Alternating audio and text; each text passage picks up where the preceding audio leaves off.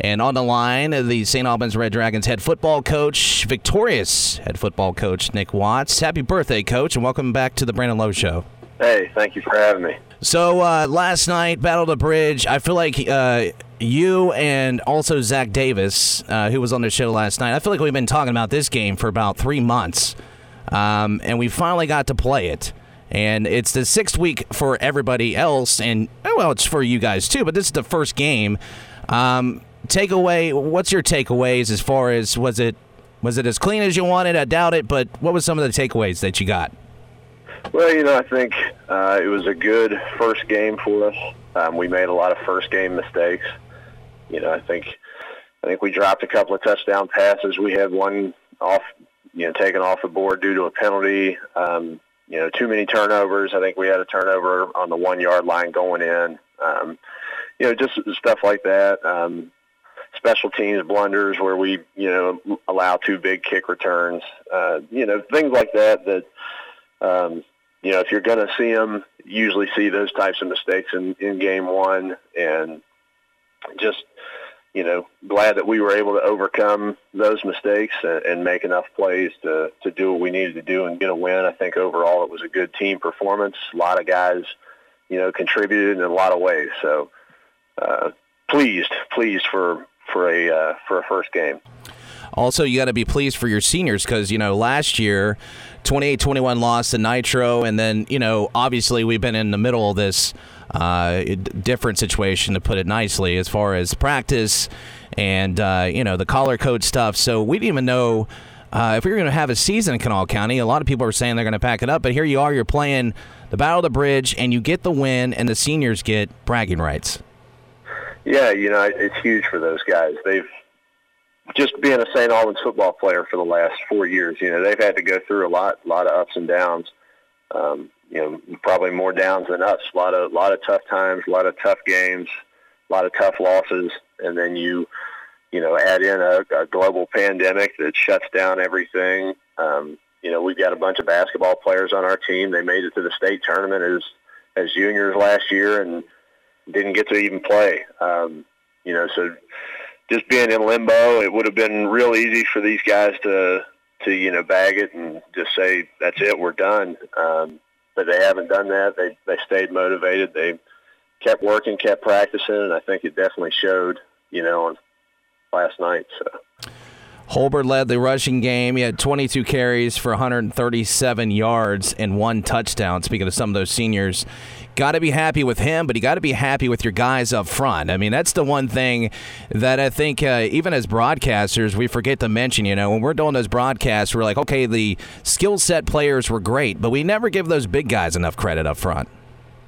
Yeah, you know, you've got uh, three seniors up there and uh, four guys that have started for three years. So, um, just guys that have really worked hard, really really bought into the weight room and and you know really good at sacrificing for their teammates and and they were just I mean tremendous last night. We were getting a ton of push up front and you know able to protect our quarterback really well, um, which we haven't you know been able to do uh, that well in the past. So.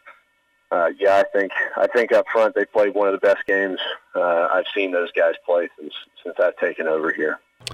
Clater, of course, uh, led all receivers five catches for 97 yards, one score, and uh, in addition to two rushing touchdowns. So uh, Clater had himself a game as well. Yeah, he's he's our jack of all trades guy on offense. You know, he he lined up, took some quarterback snaps. He uh, ran the ball from from the wing.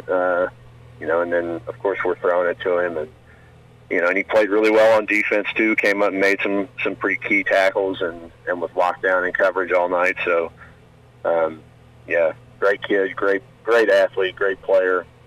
Really proud of him.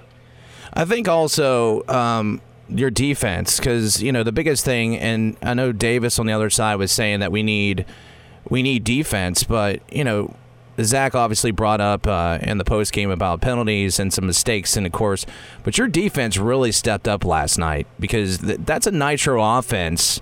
No matter who they play, can put up some points. You saw that last year, so you got to be super excited about your defense as well.